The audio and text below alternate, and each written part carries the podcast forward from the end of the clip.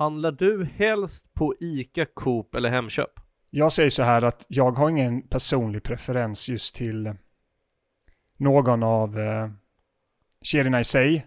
Det är mer att det är nog lokalt baserat. Men närmar mig nu där jag bor, där har man, vi är nog antagligen det fräschaste Coopet i hela Sverige. Och eh, ett bra Hemköp. Jag handlar hellre på Coop för det är betydligt bättre upplevelse än vad det är på att handla på Hemköp. Men är man mer priskänslig och ibland vet vad man ska köpa storköp eller någonting, då går man nog till Hemköp mer för att det är lite billigare än det här Coopet är här. Men, så att byggt nu, just nu, Coop, bara för att det ligger precis under oss, det är superfräscht. Nytt har alltså funnits här i ett par år eller någonting bara. Eh, det är typ någon typ av konceptstore de har öppnat, de eh, ja, har sina egna, de, eller om man säger, vad säger man, odla egna kryddor och sånt menar jag. Eh, har väldigt mycket bra utbud, fräscht utbud av allt möjligt från eh, havet, kött och grönsaker och sånt, allt möjligt faktiskt. Så det är grymt. Själv då? Eller, Men, eller har alltså, du är det, för följdfråga? att, är, är det för att det är ditt Coop, alltså för att det ligger nära, eller gillar du Coop mer? Kedjan Coop nej. om- Kedjan Coop nej. Då skulle Okej, jag, men just, det, just den Coop. Ja, just den Coopen så är det nog ja, en, av de, alltså en av de bättre butikerna jag någonsin varit inne i. Eh, men som kedja mer så har jag nog mest, om man säger liksom affection eller så, eh, för ICA skulle jag ändå säga. De har lyckats bygga en plats i mitt hjärta ändå, måste jag ändå säga som varumärke. Ja, det är ju lite, är det inte lite kommunist-Coop också för det är en ekonomisk förening? Eh, det, det kanske inte är det längre, men Jo, men jag tror fortfarande det är ett kooperativ, är det inte det? ja, det kanske är. Jag vet Det är inte. därför det heter Coop Men, eh, i och för sig. Jag har inte den Istället bilden av det. Jag har faktiskt inte den bilden av bolaget i sig, så att, eh, men föredrar du något? Nej. Nej men jag, vet inte, jag har alltid haft den här bilden, vilken jag inte vet om det stämmer. Eh, bilden att alltså, ICA är det finaste av dem. Det, det, det är liksom det bästa, rent kvalitetsmässigt. Eh, jag ser inte att det är så här, men den bilden har jag alltid haft i hela mitt liv. Coop, det är det sämsta. Det är så här, billigast kvalitet. Alltså det, det, är, det, det är en finare variant av Lidl liksom. För Lidl är ju Har du den bilden av. Coop alltså? Ja, Hmm. eh, och Hemköp är liksom mellantinget. Okej. Hemköp är, alltså om vi ska säga ICA är överklassen. Hemköp är liksom övre medelklassen och Coop är resten av medelklassen och, och det är under. Och, och Lidl är liksom the bottom of the bot. Men inte Coop bland de dyrare rent prismässigt, tänker jag. Eh, i- mycket möjligt. Ja, jag säger, Alltså, det är jag din bild. Ja, alltså, så jag bara menar Ja. att eh, bygga vidare lite på det. Jo men eh, jag tror, alltså det är mycket möjligt att det kan vara så. Men jag tror inte det är så mycket dyrare. Det jag vet däremot är ju att ICA har ju typ dyrast frukt och grönt. Vilka sa du? det är ICA. Ja.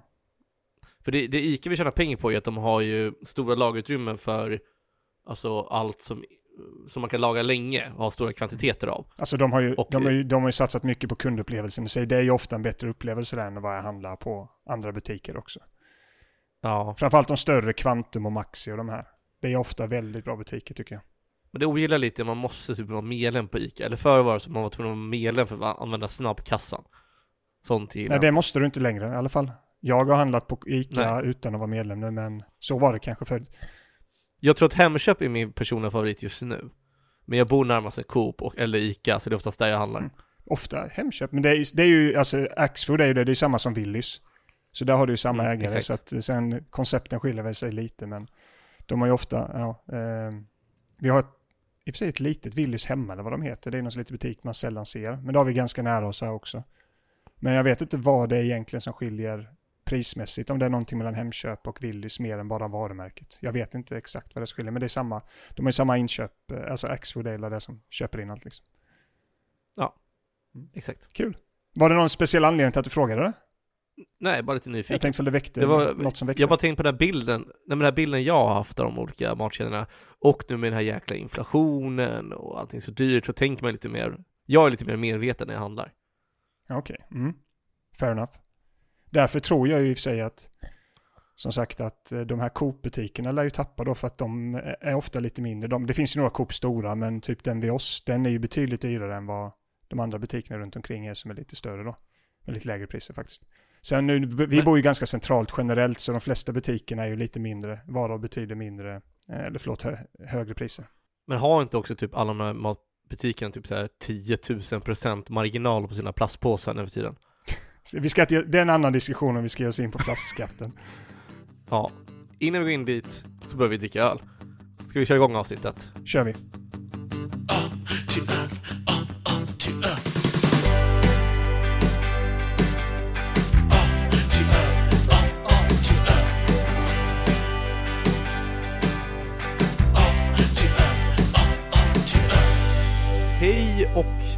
Återigen välkomna till den här äh, underbara podden A till öl. Vi är alltså podden som ska provsmaka alla öl på Systembolagets standardsortiment i bokstavsordningen A till Ö. Därav namnet A till öl.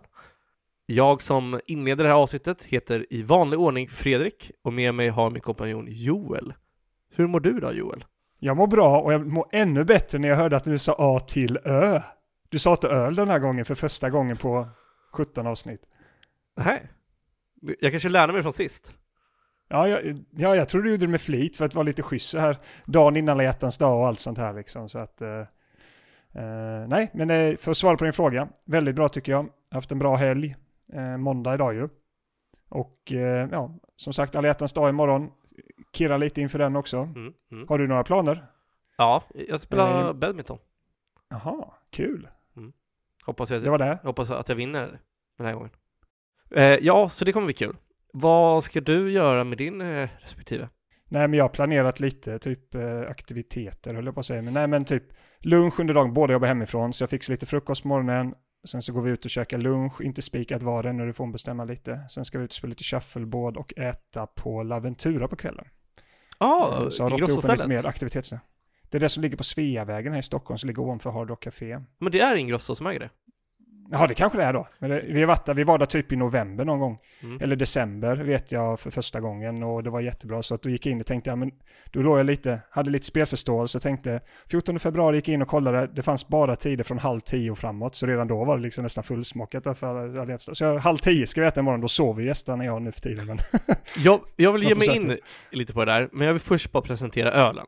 Ja, du vill, ja, intressant. Eh, för det är en intressant sak som inte jag förstår.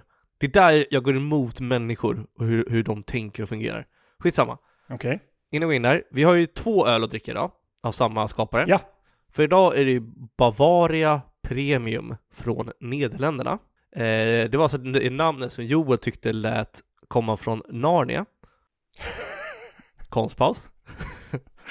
Vänta på skratt. Nej. Eh, Är, är Vi det har- inte fair enough dock? Är det inte lite fair enough? eh, jag vet inte. Kanske. Alltså, nej. Vi borde ha någon typ av poll. Håller folk med Ja, Joel eller inte? faktiskt. Men hur som haver, eh, vi har vi har ju bara varit premiumflaskan som är 250 ml som kostar 11 spänn eh, och är 5%. Stabil, antar jag. Mm. Men den intressanta som vi är lite sugna på idag är ju den här långburken av Bavaria Premium som dessutom är glutenfri, Coolt. som kostar 17,90. Det där hatar du. Gluten, det glutenfria saker. Ja, du, är, du är inte är mycket trams. för det eller de människorna som är glutenintoleranta. Alltså. Men det finns ingen som är glutenintolerant. Alla Ja. är det, alltså det är en grey scale tänker jag. Alltså Ja. det är en, eller sliding scale, att eh, vissa är bara lite mer, mindre. Jag vet bara att vi, kunde, ja, vi skulle kunna lägga ett helt avsnitt och bara få dig att prata om det här. Det vet jag bara liksom. Mm. Mm. Ja, ja. Okej, men vi provsmakar de här och sen så går vi in tillbaka tänker jag på det här med att du bokade Ja. restaurang på alla hjärtans dag.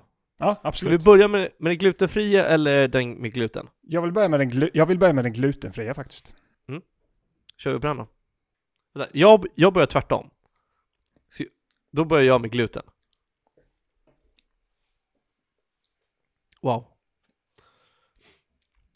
Antingen för att, bara, att jag bara gillar öl, men den var jävligt god. Det är ju verkligen skillnad på dem. Ugh. Eh, oj. Ja, vad tycker du? Jag tycker, ja, den eh, med gluten var godare. Men, jag tycker den glutenfria stod upp bra. Men det var skillnad, Ja. framförallt lukt. Har du testat att lukta på? Alltså jag tycker det var jätteskillnad om man luktar på dem. Jag känner ingen lukt för jag har varit sjuk, så jag är täppt i näsan. Du är sjuk hela tiden. Påhopp också. Jag, jag, jag det känns bara onödigt.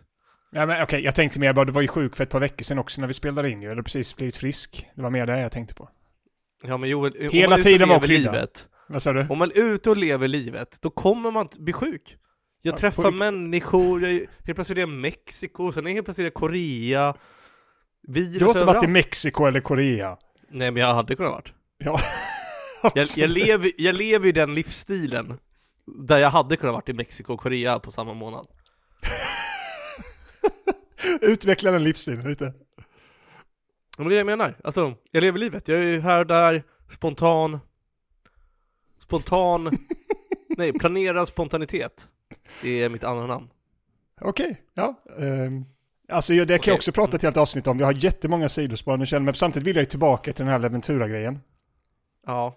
Ifall vi ska hitta tillbaka dit lite nu efter det här sidospåret. Men, Mm. eller första reaktion, du, du, du har inte riktigt sagt vad du tyckte om ölen. Eh, jag tycker ju att den glutenfria ölen smakar som glutenölen, fast utblandad med vatten och några droppar diskmedel. Diskmedel var okej, men jag håller med dig om att den känns lite mer utvattnad. Men, men den känns bäsk som diskmedelsvatten smakar, tycker jag. Wow! Det var hårt. Vad tycker du om, alltså så du tycker det är en jätteskillnad på de här ölen egentligen då? Gud ja, det här hade jag kunnat ta blindtest på varje dag i veckan. Ja, det sa de Coca-Cola också. Eller Cola generellt. Det gick ju sådär sen. Nej men eh, det här hade jag klarat utan problem, men det hade du också gjort. Man känner Ja. ju blaskigheten i glutenfria. Absolut. Eh, men jag tror men- den hade stått sig bra mot andra, de andra glutenfria vi har smakat. vi får göra sånt test i slutet också. Ja, alltså egentligen borde vi ha ett avsnitt om det. Jag bara tänker just att det här var... Eh, det var därför jag ville smaka den glutenfria innan. För annars så visste jag liksom att eh, du smakar på den första riktiga ölen då, riktiga ölen så nu. Och den andra glutenfria så kommer jag automatiskt tycka att den är mycket äckligare. Så jag tror du tog en annan väg där också, när du började med den riktiga ölen, inom citationstecken. Mm. Mm. Men eh, ja, Laventura, go! Nej, jag, innan vi går dit vill jag fortfarande bara presentera vad, vad är glutenfri öl? Ja, kör. För tycker, alltså, ehm, det ena är ju en ljus lager i internationell stil. Så den är, alltså det är en klassisk öl, det en kall jäsning. Ehm, ja, så det är, det är låg temperatur på jäsningen och en avslutad jäsning lagras i ölen i ölet i flera veckor. En fråga där. Mm. Är det kopplat till att den är bottenjäst och toppjäst också? För det kommer nämligen lite sen i saker jag kommer lyfta. Osäker. Eh, min, min, min fokus var på, nu var framförallt på hur man kan, hur glutenfri öl är. Okej. Mm. Och, och det finns lite olika metoder. Det finns ju dels att man kan använda glutenfri, vad är grains? Alltså, istället för den humle som man använder, så an, an, använder man glutenfritt. Och det är, nu på engelska, eh, sorghum, eh, millet, rice or corn to make beer. Så sorghum var det vi pratade om innan också, har jag för mig. Och sen är det även enzymprocessen. Och då använder man ju enzymer som, som bryter ner gluten eh, i barley eller i wheat under själva bryggnadsprocessen. Eh, och ett, ett exempel på det här, och nu ska vi se om jag kan, uttala det här på engelska, är Prolyl endopeptid peptidase. Pepi, peptidase. Stökigt.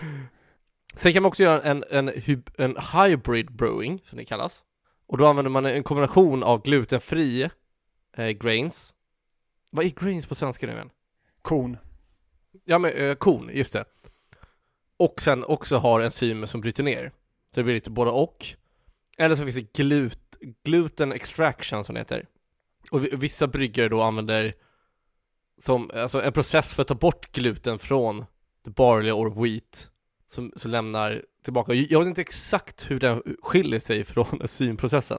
Men det verkar vara en jävla eh, science bakom det. Men det man kan ta med sig i det som jag pratade om innan när vi pratade om glutenfritt, att du antingen använder enzymer för att ta bort det, eller använder olika korn där vi inte ens får i gluten. Mm. Okej? Förlåt, jag är helt inne och läser på om detta nu samtidigt. om eh, varmjäst och kalljäst. Ja, det, är därför, det är därför jag känner. Okej. Eh, ja, vad heter topp och bottjäsning? Nej men det är kall, botten är kall och topp är varm. Fattar jag det som nu när jag läser på. För att de har gått, Okej. gjorde, en, de gjorde nämligen en liten twist där. De bytte det mitt under. Det är det som gjort dem lite... De gick från eh, toppjäst till bottenjäst. Vad, jä, vad jäsa på engelska då? Top fermented och bottom fermented heter det typ. För lager är bottenjäst nämligen. Och sen alla typ så här du vet ales och sådana saker är liksom eh, underjäsning eller då kalljäsning. Nu kan vi också även testa det här nya verktyget ChatGPT som finns överallt. Eh, så jag ställer frågan nu också, vad är skillnaden mellan bottom fermented och top fermented? Och håller på att få svar här in, i real time. Så, vill du höra vad du svarar? Kör, vad säger robotjäkeln? The main difference between bottom fermented and top fermented beer is the type of yeast used in the ferme- fermentation process and the temperature at, at which the fermentation occurs. So bottom fermented beer, also known as lager, is fermented using a strain of yeast called, okej, okay, långt namn som jag inte kan uttala. Uh, this yeast ferments at colder temperature, okej, okay, så de använder speciell yeast eller jäsning som sker vid lägre temperaturer. Ja, och under en längre tid också väl än vad den gör när den är toppfermenterad, vilket också gör att den inte blir lika stark, om man säger den är inte lika fyllig och lika mm. stark som topp är. Ja men den, alltså, den får ju mer clean crisp taste ja, och smooth finish. Exakt, det låter ju som en lager. Ja. Um, och this is for, alltså top fermented beer, also known as ale. Så det är exakt det, det är ju bara skillnaden på det. Att eh, alltså topp är ale, bot är då lager generellt sett. Mm. Mm, bra. Innan du berättar storyn Joel så kan jag kanske gå in lite kort på vad jag ville prata om, om ja. Levantura. Sure. Mm. Jag stör mig på det här att folk tenderar att lägga så stor vikt vid speciella datum. Det kan jag hålla med om, lite. Just, just att alla hjärtans dag sker 14 februari är en kul grej. Kan det vara. Men kan vi inte lika gärna gå ut och äta på restaurang den 15 eller 16 där inte alla andra gör det? Så kan vi få billigare pris antagligen och en, en, hundraprocentig, eh, vad heter det? Att vi får plats, att vi får ett bord. Absolut.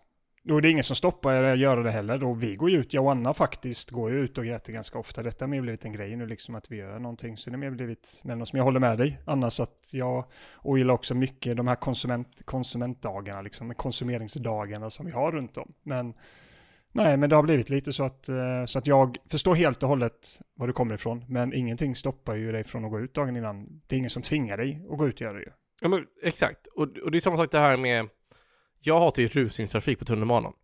Så ja. jag, jag Finns det någon åka... som gillar det? Uppenbarligen, folk åker ju den ändå. Ja, men, eh... alla har ju inte ett val kanske. Nej men många har det. Alltså, alltså till exempel, jag, jag åker ju hem från jobbet vid tre, halv fyra tiden. Och sen sätter jag mig hemma och jobbar resten av dagen. Och då kan jag jobba, istället för att jobba till fem så jobbar jag då till halv sex, men då tar den där halvtimmen från att ta och åka hem. Ja vid tre istället. Och då får jag också dessutom en naturlig paus och eh, miljöomväxling. Ja, absolut. Och det funkar och säkert vissa som gör likadant. Men alltså du, du, nu bara drar du alla över en kam liksom. Ja, men, men själva poängen är ju att varför har vi byggt ett samhälle där alla ska röra sig på samma tid? Det är det som är så dumt. Hur, vad skulle du vilja göra annorlunda? Nej, vi går ju väldigt mycket nu mot att folk ska jobba hemma faktiskt. Alltså, mycket blir det här hybrid där folk jobbar hemifrån. Så det går ju åt det hållet som du nu förespråkar egentligen. Men det har redan varit det. Men min poäng är att alla behöver inte röra sig på samma tid. Punkter. Nej, men hur ska man besluta vilka företag som ska få, ska köra igång vissa vilka tider? Nej men det behövs inte besluta, man märker det. Om, om jag åker hem tre en dag, fyra en dag, fem en dag, så märker jag ju vilka tider folk är ute och rör sig. Plus framförallt SL har ju jättebra koll när det är semestertrafik, så man kan väl bara anpassa sig efter det. Jo, kanske. Om vi, okej, okay, så är vi så här, om vi vill det här så hade det inte varit svårt. Nej, inte att ordna, nej, men varför folk, jag tror folk vill ha sina timmar, man har Alltså du måste, ställer du om de bitarna så måste du ställa om allting annat runt omkring också. Alltså typ så att barn ska, eller folk, barn ska hämta sina barn. Vuxna ska hämta sina barn från dagis, då blir det helt andra tider därvid för man ska anpassa så att du får ju liksom en effekt, en liksom dominoeffekt av allt annat som ska anpassas i samhället då också. Men det är också det minsta problemet som finns tycker jag. Alltså, är det verkligen det? Och, och det, är, är också de mest, det är också bland de mest bortskämda personerna. Det är de här som åker för tre, vid tre från jobbet för att hämta sina barn, så jobbar de inte något mer den dagen. Men, det, men du kan ju inte, samma sak där, det finns ju de som faktiskt hämtar sina barn och sen jobbar de mellan 6 och 9 när de är hemma på kvällen liksom. Jo, men majoriteten gör ju inte det. Jo, jag tror faktiskt, alltså de jag har jobbat med i alla fall. så måste jag säga att de jobbar. Jag har inte varit med om någon som jag känner bara fan den där personen bara åker hem till sina ungar och sen sitter och pillar navelludd resten av dagen. Om, om du går in och kollar, hur många är från ditt jobb är online just nu? Ja, det är nog några stycken faktiskt. Ska jag, du, du, mig är fel person att försöka sätta dit på det här. Då får du leta någon annan för att... Uh, jag, till, jag jobbar ju till och med på ett konsultbolag där de jobbar vilka timmar de vill ungefär. Så vi, ans, vi, an, vi jobbar ju lite så som du vill. På mm. det sättet. Ja, men det är ju jättebra. Mm. På det sättet. Men det passar ju inte alla. Du kan ju inte bara slå alla, så det är ju det som är grejen. Och på något sätt är det ju Nej, men- uppbyggt under den här tiden att då anpassa sig. Alltså visst, man kan slänga ut det här under en längre tid att man ska jobba, men på något sätt också, vi måste ha struktur. Alltså du kan ju, alltså vi måste det som människor också ju. Och som samhälle jo, men, ha struktur. men, men struktur är ju väldigt eh, alltså lös, lösaktigt ord att slänga med här. Vad innebär struktur? Ja, det som inte du egentligen förespråkar här i alla fall. Du har ju inte På vilket sätt förespråkat, är det inte, På vilket sätt är det, är det inte struktur det jag förespråkar? nej alltså det, jag ser inget, du säger bara att folk ska åka lite som de vill när de känner ju. Ja. Varför inte Ja, inte struktur? Det är inte struktur i grund och botten om du ser, alla, Aha, folk, alla aha, gör lite olika det- och anpassar sig. Men så du menar struktur är att man ska följa samma schema allihopa? Nej, eller, nej, eller ha, mer ha en plan för vad du gör. Du, när du pratar nu så var det mer att du gör lite vad du känner för. Struktur kan också vara att du vet liksom när du ska göra saker och varför du ska göra det. Det är ju struktur mer än att det här är ju ad hoc. Du snackar om, man bara, "Ah, men nu gör vi så här, boom, och så åker jag hem. Idag känner jag för att åka hem då. Jag menar bara att, Nej, har du ett schema på detta? det där är gilt arbetsförhållande skulle jag säga. Så det vill säga tvärtom. Från ad hoc. Eller det behöver inte vara, men det, det är väl snarare framtiden. Det är väl så allting strävar mot, att jobba agilt. Ja, men det du säger... Du, jag- du, har, du har de här ar- arbetsuppgifterna att nå, ja, och du har den här deadlinen. Ja. Så skit i vad du gör emellan, så länge det är Ja. löst. ja, ja. Men eh, är jag förstår inte vad det har med den saken att göra, du, att man inte ska åka in till jobbet. Då sitter du hemma i sådana fall, för du kan göra det när du vill, vad du vill. Då Men åker du är inte ens in till gör jobbet. också. Va? Det är väl det folk gör. Ja, exakt. Men, men, men fast folk åker ju in till jobbet för att vissa kanske jobbar bättre där, de kanske har barn hemma, ja. eh, eller de vill träffa människor och så vidare. Exakt. Så, alltså, jo, jo, men jag, jag har ju inte tagit emot att folk åker in till jobbet. Det är bara att alla behöver inte åka klockan nio, eller åtta, nio på morgonen eller klockan, åka hem vid fem. Men du kan ju anpassa dig också. Att du, vill du inte åka med massa folk så åker du inte de tiderna när folk åker in. Varför ska, folk, all, varför ska alla andra anpassa sig efter dina tider? Som du Men vill det- åka in? Men jag, det är jag som anpassar mig. Ja men då så. Men fall folk vill åka in vid en viss tid. Alltså så, så är det ju liksom så. Sen får alla andra anpassa. Vill man åka när det är mindre folk så åker man antagligen innan. När folk börjar fyllas på eller efter. Jag förstår Jo, liksom men- inte problemet. Nej, nej men jag tycker det är konstigt precis som det här med att alla ska göra saker samma, samma tidpunkt. Bara för att andra gör det. Och jag förstår Men det är ju inte inte för att andra den gör det. logiken. Antagligen så har du en tid du ska anpassa dig till. Det är inte för att andra gör det. Jo men alla har bestämt att det är den här tiden som de ska jobba, sen så gör de det. Även, alltså, även folk som har alltså, väldigt fria timmar tenderar ju också följa den rytmen. Ja, vissa kan, ja, för att man antagligen har till exempel kids på dagis fram till 4-5. Det är det jag menar, att du måste ju ställa om, ska du vara på jobbet? Ja Alltså, men då åker de ju tidigt. Ja, Och då är det inga köer den tiden de åker, så de är inte problemet heller. Kidsen har ingenting med det att göra, för de åker tidigare än fem, när rusningen är. ja, det tror jag inte alla gör visserligen. Och, men vadå, men vadå, att folk råkar in vid åtta, jag fattar, jag, jag hänger inte ens med, alltså jag, jag köper ingenting av det du säger bara. Jag vet inte. Jag, jag, jag, jag förstår inte vad du inte förstår. Alltså jag förstår ju vad du menar, men jag köper ju inte att du blir irriterad på att folk åker in samma tider. Alltså, du, alltså du som människa Men inte jag har in inte sagt att jag blir irriterad, jag tycker det är väldigt konstigt. Men är det det? Om du tänker efter hur, hur det liksom är uppbyggt. Du kan ju inte jämföra det dock med att vi har konsumeringsdagar som typ alla hjärtans dag och vad finns det mer? Det finns alla semledagar, vi ska köpa massa semlor och sånt här liksom. Det kan ju inte jämföra det med någonting som är så nedrotat att vi har vissa arbetstider sedan du vet industrin och sen när man börjar gå till jobbet klocka in och ut varje dag liksom. Det är ju någon helt annan sak. Detta är ju någonting som har skapats för att bara tjäna pengar i samhället de här dagarna, alltså, där vi bara ska sälja liksom. Det är bara för att vi ska konsumera mer ju. Nej, fast det är samma psykologi bakom det. Om man gör det som alla andra gör, om man vill vara med i gruppen. Och Ja, alltså i grund och botten, ja, då, fear of missing out liksom. Eh, lite den biten. Men det har ju inte att göra med att du, du måste ju ta dig in till jobbet. Har du vissa arbetstider, det är ett strukturellt problem att i sådana fall som du försöker förklara att alla arbetsgivare borde ändra på att du ska inte... Vissa har ju faktiskt så att du måste vara från jobbet mellan 8 och 5. Vissa har ju det som regel. Det kommer ju försvinna successivt det här också. Men just nu finns det fortfarande bolag som säger du ska sitta vid din dator mellan 8 och 5. Det finns, vad du än säger så finns de jobben och då har du inget val, du måste in de timmarna. Så då är det inte människan som själv gör det valet. Nej men det, men det där har vi redan bearbetat, det gjorde vi i början. Jag sa att många, men, men det är ju det ditt bygger på. Men det är ju det ditt bygger på. Nej, mitt, mitt bygger på att, för det första, att det är uppbyggt på det sättet, i ett av konstigheterna som jag, som jag ogillar. Men, men det kan jag förstå mer, men framförallt de som inte har det kravet. Ja, men alltså det uppbyggnaden, ja. Men då är ju det, det är ju sen alltså, alltså hundra, hundratals års bakåt liksom som det har byggts upp. Den strukturen vi har idag Men, men tittar vi på vetenskapen och tittar på hur det ser ut så är det ju i att alla, alla människor är byggda på olika sätt, det vill säga att alla Mm. människor gillar att sova i olika timmar, vara vakna olika timmar, vara kreativa Ja. olika timmar. Eh, och till exempel tar man, tittar man på stam så tror jag det var typ två, tre eller fyra timmar, eller mindre kanske, ja men två, tre timmar som alla i den stammen sov. Annars var det alltid någon som var vaken eller gjorde saker. Och det betyder på att vi alla har olika dygnsrytmer. Så, så därför är det ologiskt att vi ska bygga ett samhälle som tvingar alla att, att, att arbeta efter samma dygnsrytm. När vi alla har det, och vi alla är olika individer. Ja. Det är där min logik bygger, och det är det vetenskapen säger. Så Ja. det är ju inte orimligt av mig att tycka att det är konstigt att vi har valt att göra så. Nej, nej alltså men det, det, det, det är orimligt att du tycker det är konstigt för det beror ju på vissa saker sedan tidigare. Där du kan säga att du tycker det är fel sätt att jobba med nu. För att det är inte orimligt att det är så, för förut så hade vi en struktur som vi jobbar ut efter. Vi visste ju knappt vad vi själva gjorde. Vi, människor gick till jobbet, klockade in och ut. Men nu har vi en helt annan värld där vi faktiskt kan utföra jobbet på ett annat sätt också. Vi kan jobba mycket mer digitalt och som faktiskt idag har vi verktyg som gör att, som till din poäng, att vi inte måste åka in till jobbet de här tiderna och göra det. Och sen är det upp till arbetsgivaren också som idag alla arbetsgivare le, litar ju inte heller på sina, alltså folk som jobbar där. Det finns ju fortfarande de som är lite stenålders och tvingar in folk. Men generellt sett så om många år framåt här nu eh, så kommer ju detta utvecklas och då kommer det vara så som du nu vill ha det. Att folk kommer jobba på sina egna villkor. Du sover när du vill, du jobbar när du vill, du äter när du vill. Alltså så kommer det bli framöver. Men det jag menar är bara att jag menar inte att egentligen att din tanke är att det är fel att det du tycker, för jag håller med dig i grunden, men det är liksom hur du lägger fram det som jag inte håller med om. Typ som att vi människor alltid har ett val att inte göra det. För det har Men vi det, inte. har, det, men det har jag inte sagt. Jag jo sa men de du sa ju som precis det, har vi väljer valet. att åka in. Du säger ju det att folk väljer att åka in. Du får det Ja, de, Ja, men jag, jag, var ju, jag försökte vara tydlig med att säga att alla har inte det, absolut. All, alla har inte lyxen. Min mamma har inte lyxen att jobba hemifrån till exempel.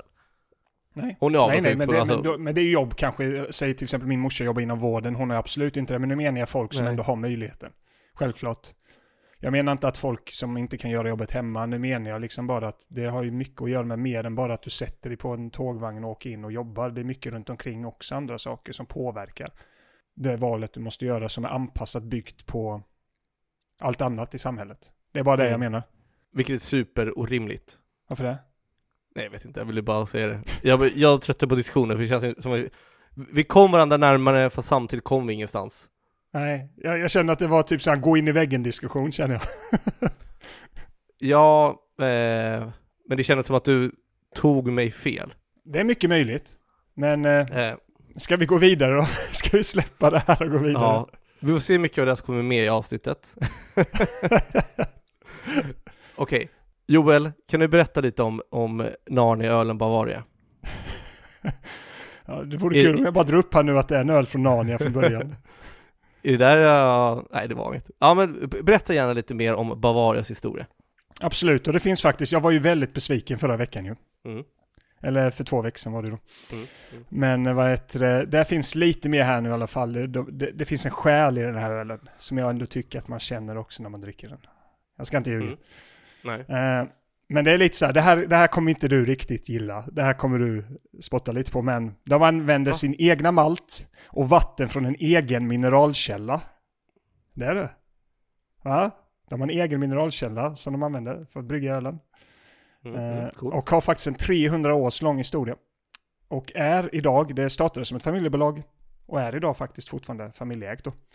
Så det tycker jag är ganska häftigt. Eh, också de ser sig själv som många andra som väldigt innovativa. Och det kommer vi komma lite till i historien här. Jag kliver rakt in i det här. 1680 kan man spåra egentligen eh, historien bakåt till. Då var det familjen Swinkels eh, drog igång då eh, bryggeriet då som sen kommer bli Bavaria. Så att det är ju Mhm. väldigt långt tillbaka. Eh, och som sagt, det är fortfarande idag samma familj, eller i grunden då, som äger det. Eh, men man kan hitta bevis då på att fram till 680, för det är någon redogörelse av kommunala skatteregistret är det som man har bevisat detta genom. Det är lite coolt ändå, man har gått tillbaka i böckerna. Och det har gått från eh, fader till dotter flera gånger då i följd faktiskt. Men Alltså egentligen, det hände en del från 1680 men det är först under egentligen 1900-talet som det tar fart det här. Och 1923 som varumärket Bavaria föddes. Det hette någonting annat då som inte jag riktigt har hittat. Men Bavaria är liksom från 1923 då själva varumärket mm. då. Men är det inte Royal Swinkles som äger Bavaria? Jajamän. Men är, är det familjeägt då? Ja, vi kommer till det. Du, okay, hoppar lite händelserna ja. i förväg där. Ah, okej, okay, okej. Okay. Men eh, till exempel då de här bröderna Swinkels som då ägde det under 19, början av 1900-talet, valde då att 1925 gå över till en underjäst öl från en just toppjäst. Toppjäst kan även räknas som överjäst öl. Vi har ju mycket namn här, vi kanske kan bolla om det någon annan gång lite mer. Men i grund och botten så handlar det om att man gick egentligen från det här mer smakfyllda, överjästa, toppjästa ölen, varmjäst, till en då kalljäst eller underjäst öl som är lite, den lagras lite längre, det blir mer av en, alltså lite mer enklare öl. Ska vi kalla den så? Den kanske inte är mer enkel, men en mm. pilsnöl mm. helt enkelt. Man gjorde ett, en eh, strategival där helt enkelt. Och detta var en, lite av en milstolpe som egentligen förberedde bryggeriet för framtiden då. Du har ju pratat lite om skillnaden däremellan också, så att jag tycker att vi kan, vi kan släppa lite där. Men det är liksom, man gick mot en pilsner och lageröl helt enkelt. Eh, sen har vi som vanligt Europa, det kommer lite krig och sånt. Och, ja, men ja. Men jag kommer inte ge mig in och grötta där för mycket, utan jag går mer till efterkrigstiden där. Så började det ta fart faktiskt. Jag, tror inte de tog så mycket skada under krigstiden där. Men 1973 så började de exportera då, så hittills har det bara varit nationellt i Holland då. Eh, där de hållit till. Eh, det sa jag inte i början, men det är liksom ett eh, holländskt bryggeri då. Eh, och började exportera till södra Europa. Och jag är inte helt säker på den här faktan, men det kan faktiskt vara så att det är bland de första som verkligen satsade på alkoholfri öl. För det skrivs mycket om det och under 70-talet därvid så började de exportera till Mellanöstern och mer muslimska länder då, där man inte dricker alkohol. Och då satsade på den marknaden med alkoholfri öl och det var tydligen väldigt lyckat för dem. Och istället då för att de, som många andra vi har hört om som startar upp, har blivit uppköpta så har detta stället blivit lite mer som tvärtom. Att de har börjat köpa upp andra bryggerier. Eh, och det är lite häftigt är att 1999 tror jag det var, så startade man ett samarbete med ett kloster. Det var, de skrev ett avtal där som då betydde egentligen att de som jobbade i klostret, eller munkarna då, eller vissa specifika personer inne bryggare, ägde egentligen tillverkningsbiten då, att de fick göra vad de ville med att tillverka ölen, medan Bavaria då, som senare bytte namn då till Swink, eh, som du var inne på, Swinken Family Breweries, eh, då mm. valde liksom de kommersiella rättigheterna. Så okay. man hade liksom, ja, eh, den biten då, varumärket, så tills liksom med pengarna kom in och sådär. Och eh, då var det Swinkle Family Brewer, som sagt, man gick ifrån då där 2019 så valde man faktiskt att byta då också från Bavaria till Swinkles Family Brewery.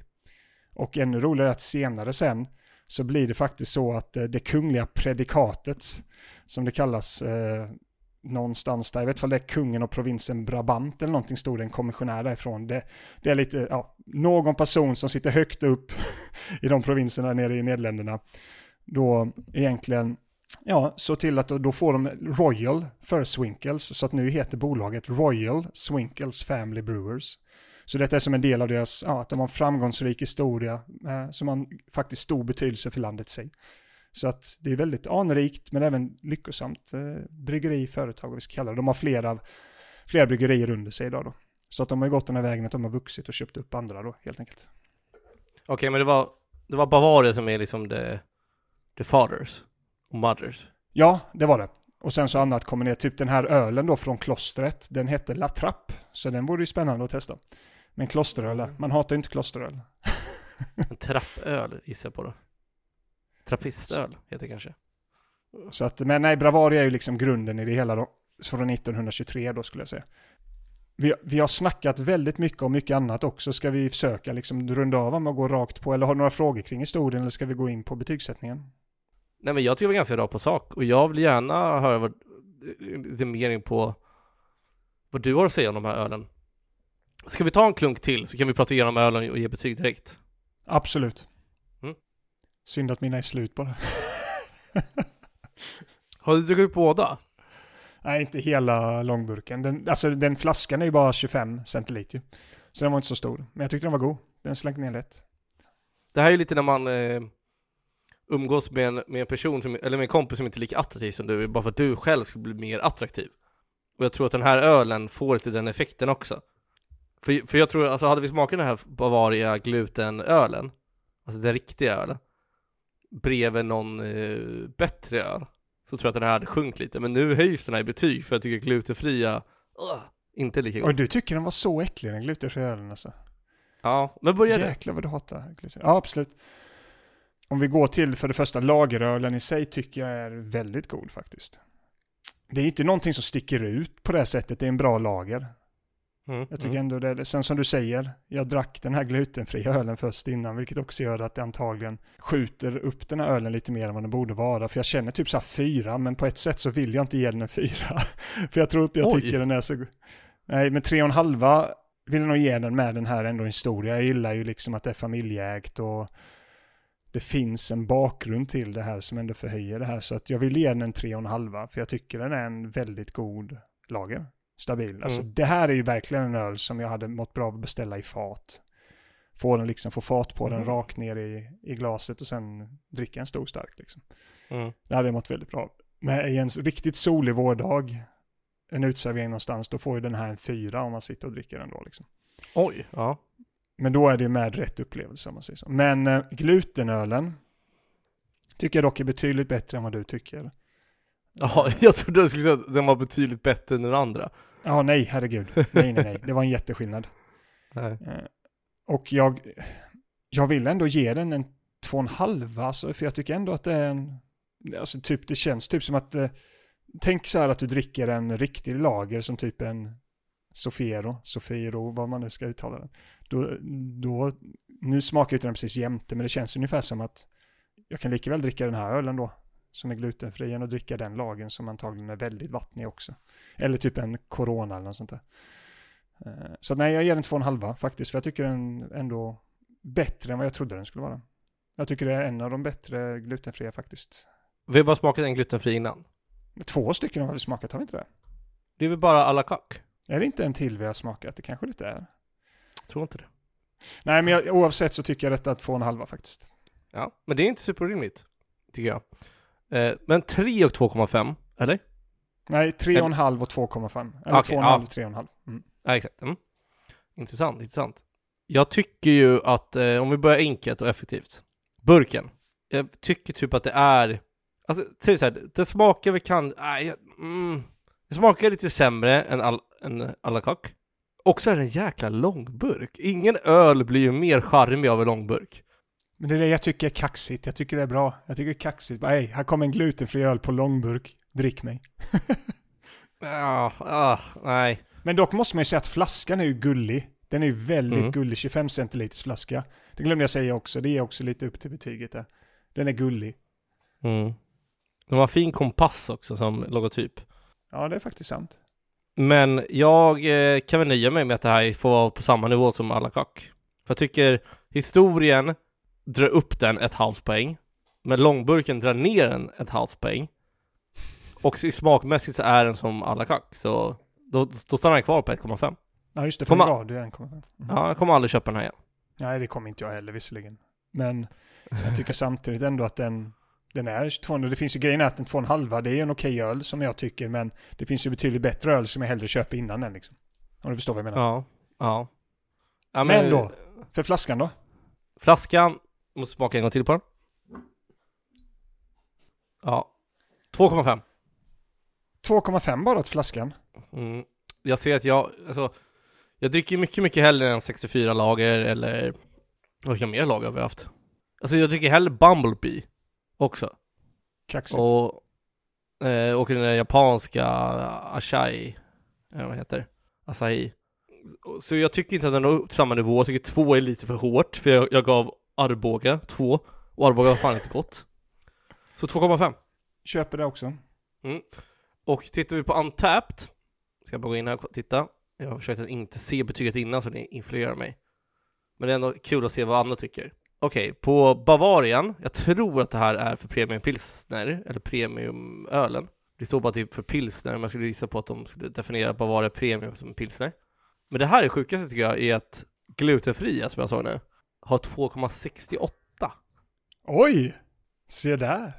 Men det, men det känns ju som att det är så här. äh, Men vad har LeCook på appen? Vad har LeCook på appen? Bara för att se ifall de jämför de två mot varandra. För det är ändå äppel mot äppel känner jag. Jag kan kolla snabbt.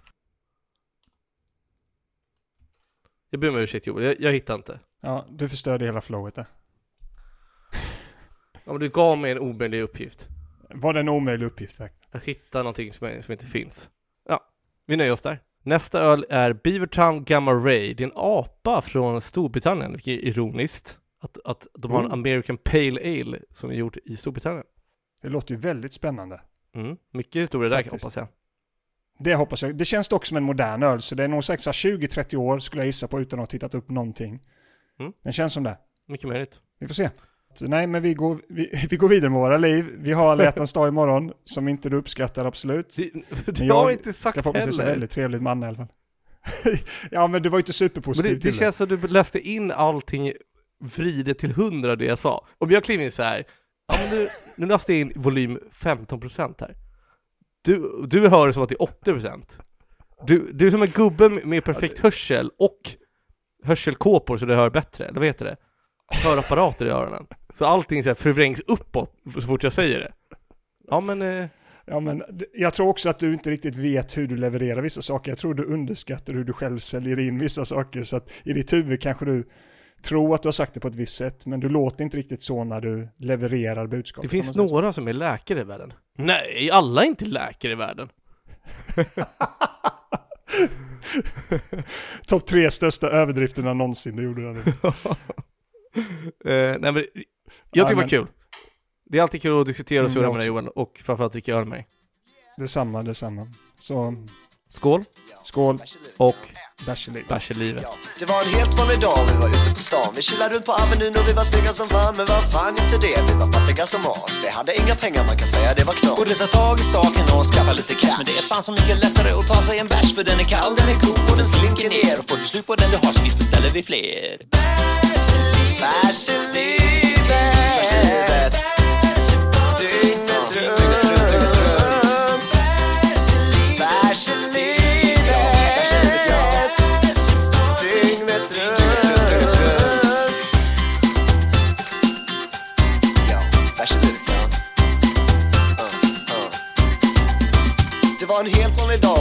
som fan. Men det enda som vi tänkte på var att bärsa på stan. Men vad fan gäller det? Puben öppnar klockan tre Så jag får dricka kaffe. Och jag får dricka te. Borde ta tag i saken och skaffa lite cash. Men det är fan så mycket lättare att ta sig en bärs För den är kall, den är god och den slinker ner. Om du får slut på den du har så visst beställer vi fler.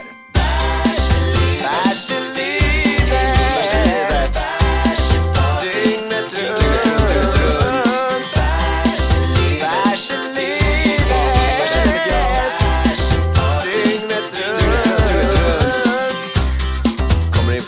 en fredags eftermiddag.